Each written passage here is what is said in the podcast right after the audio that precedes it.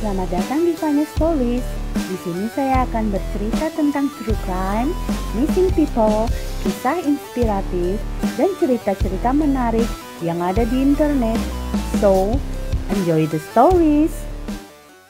Pada suatu ketika, hiduplah seorang tukang emas dan istrinya yang menjalani kehidupan yang bahagia dalam harmoni dan cinta yang sempurna di seluruh negeri.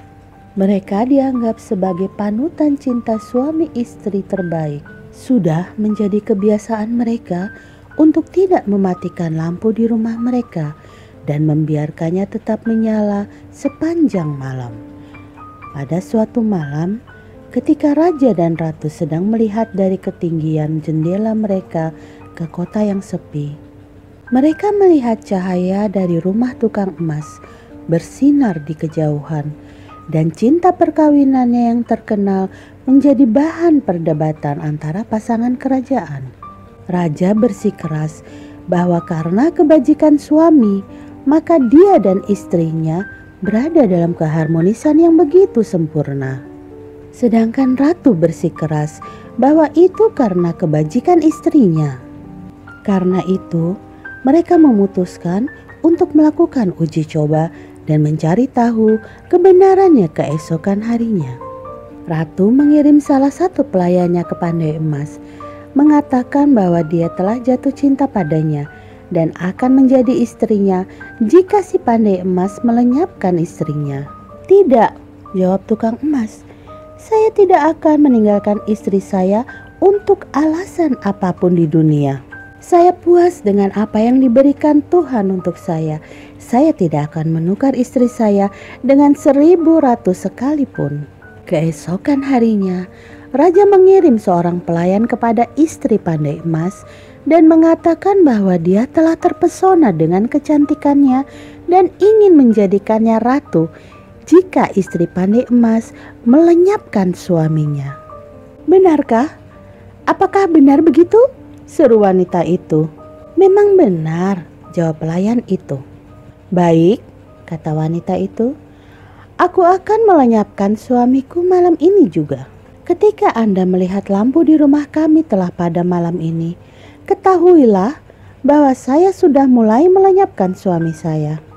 Pelayan itu menyampaikan kabar tersebut kepada raja.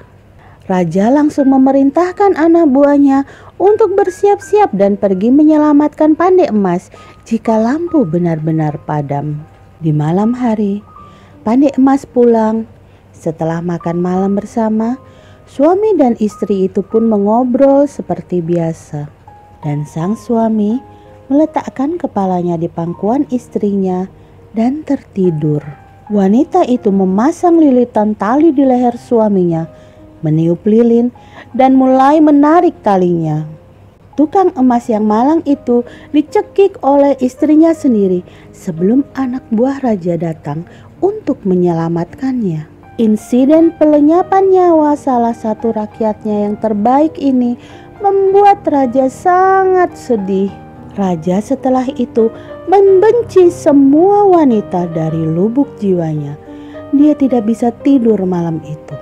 Pagi-pagi sekali, dia menghubungi Perdana Menterinya sambil berkata, "Hari ini saya akan pergi berburu. Anda harus melenyapkan semua wanita di desa, tua ataupun muda, sebelum saya pulang malam ini." Sang Perdana Menteri kemudian mendatangi ayahnya yang sudah lanjut usia dan mengulangi perintah raja yang mengerikan. "Jangan mematuhinya," kata ayah Perdana Menteri itu aku yang akan bertanggung jawab. Pergilah dan sembunyikan dirimu selama beberapa hari dari kemarahan raja. Di malam hari, raja kembali dari berburu dan melihat para wanita di desa yang masih hidup. Raja sangat marah dan mendatangi rumah perdana menterinya.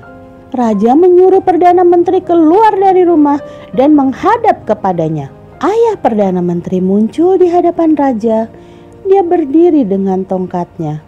Di mana anakmu? kata raja. Saya ingin memenggal kepalanya terlebih dahulu dibandingkan memenggal kepala para wanita. Panjang umur raja, kata ayah Perdana Menteri dengan suara gemetar. Izinkan saya untuk memberitahu Anda pengalaman saya dan kemudian menjalankan perintah Anda jika Anda mau. Bicaralah, kata raja.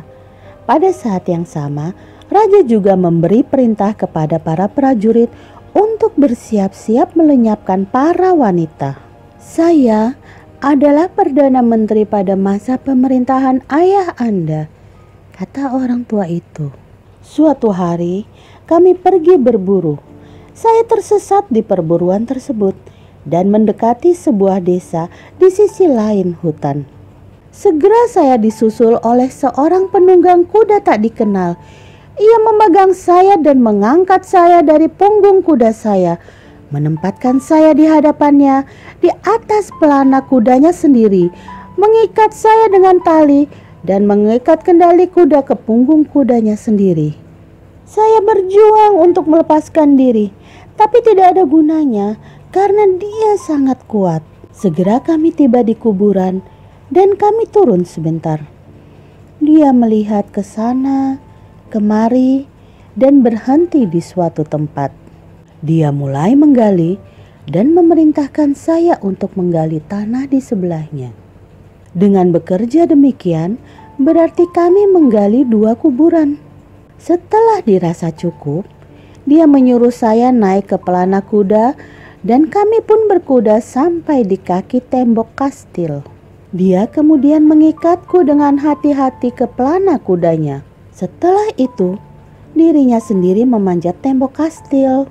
Beberapa menit kemudian, terlempar dari atas tembok mayat tanpa kepala dari seorang pria yang baru saja dilenyapkan nyawanya. Dia turun dari atas tembok dan meletakkan mayat itu di atas kudaku, membawanya dan diriku sendiri ke kuburan yang telah kami gali.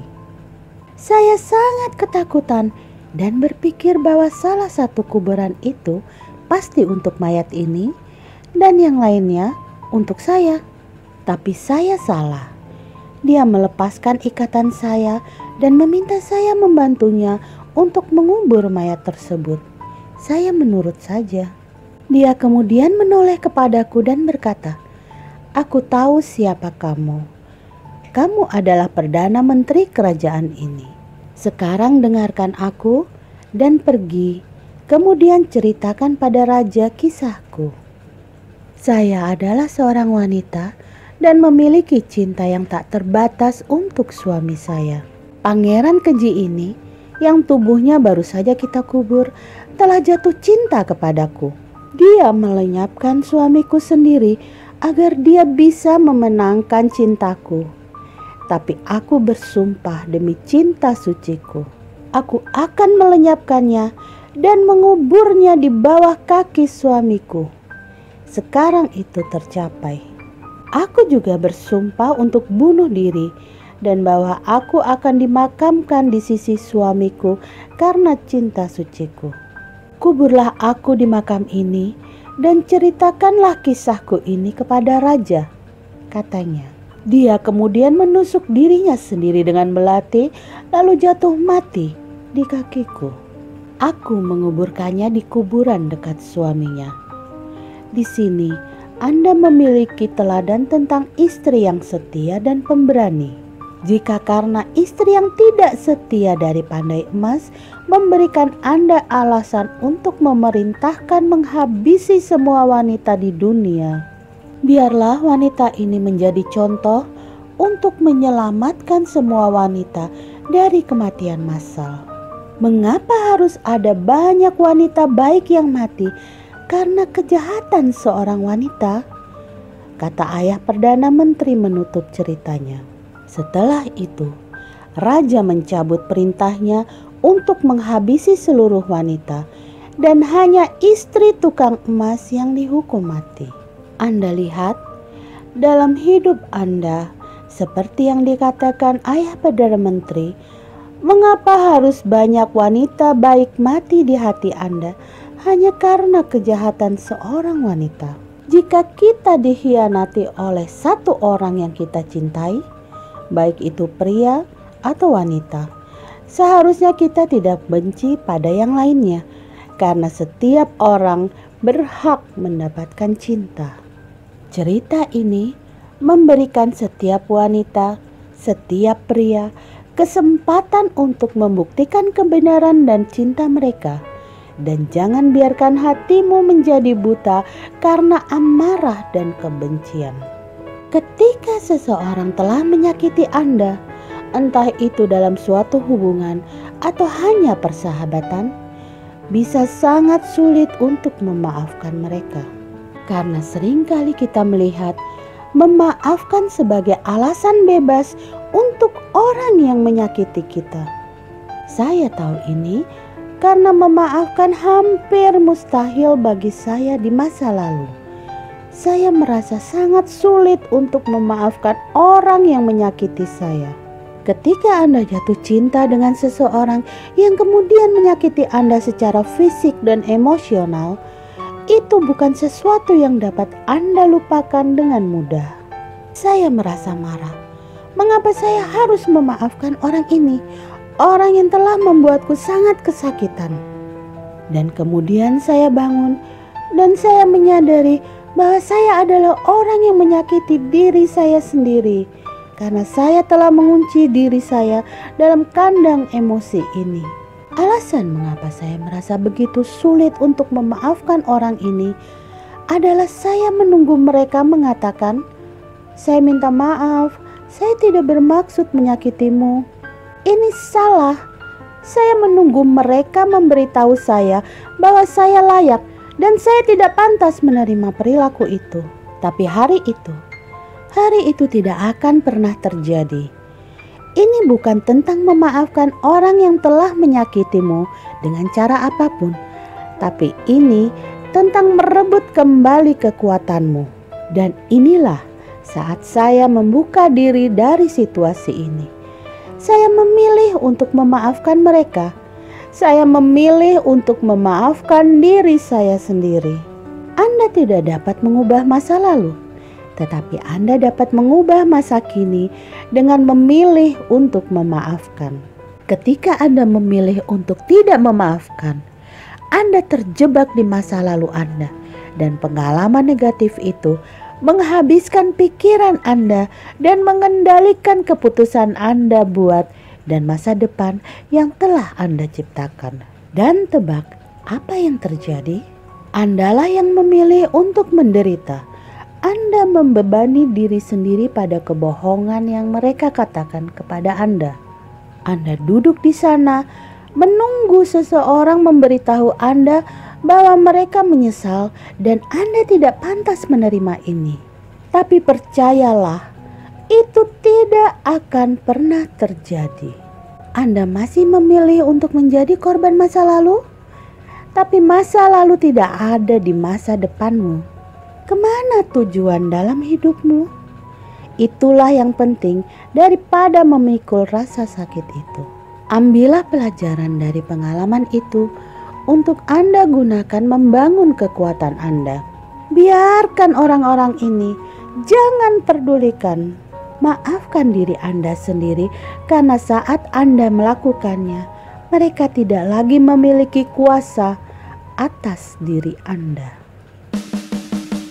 For joining. Jika Anda suka, jangan lupa untuk subscribe, like, dan share ke teman-teman. Sampai jumpa di cerita berikutnya. Bye bye.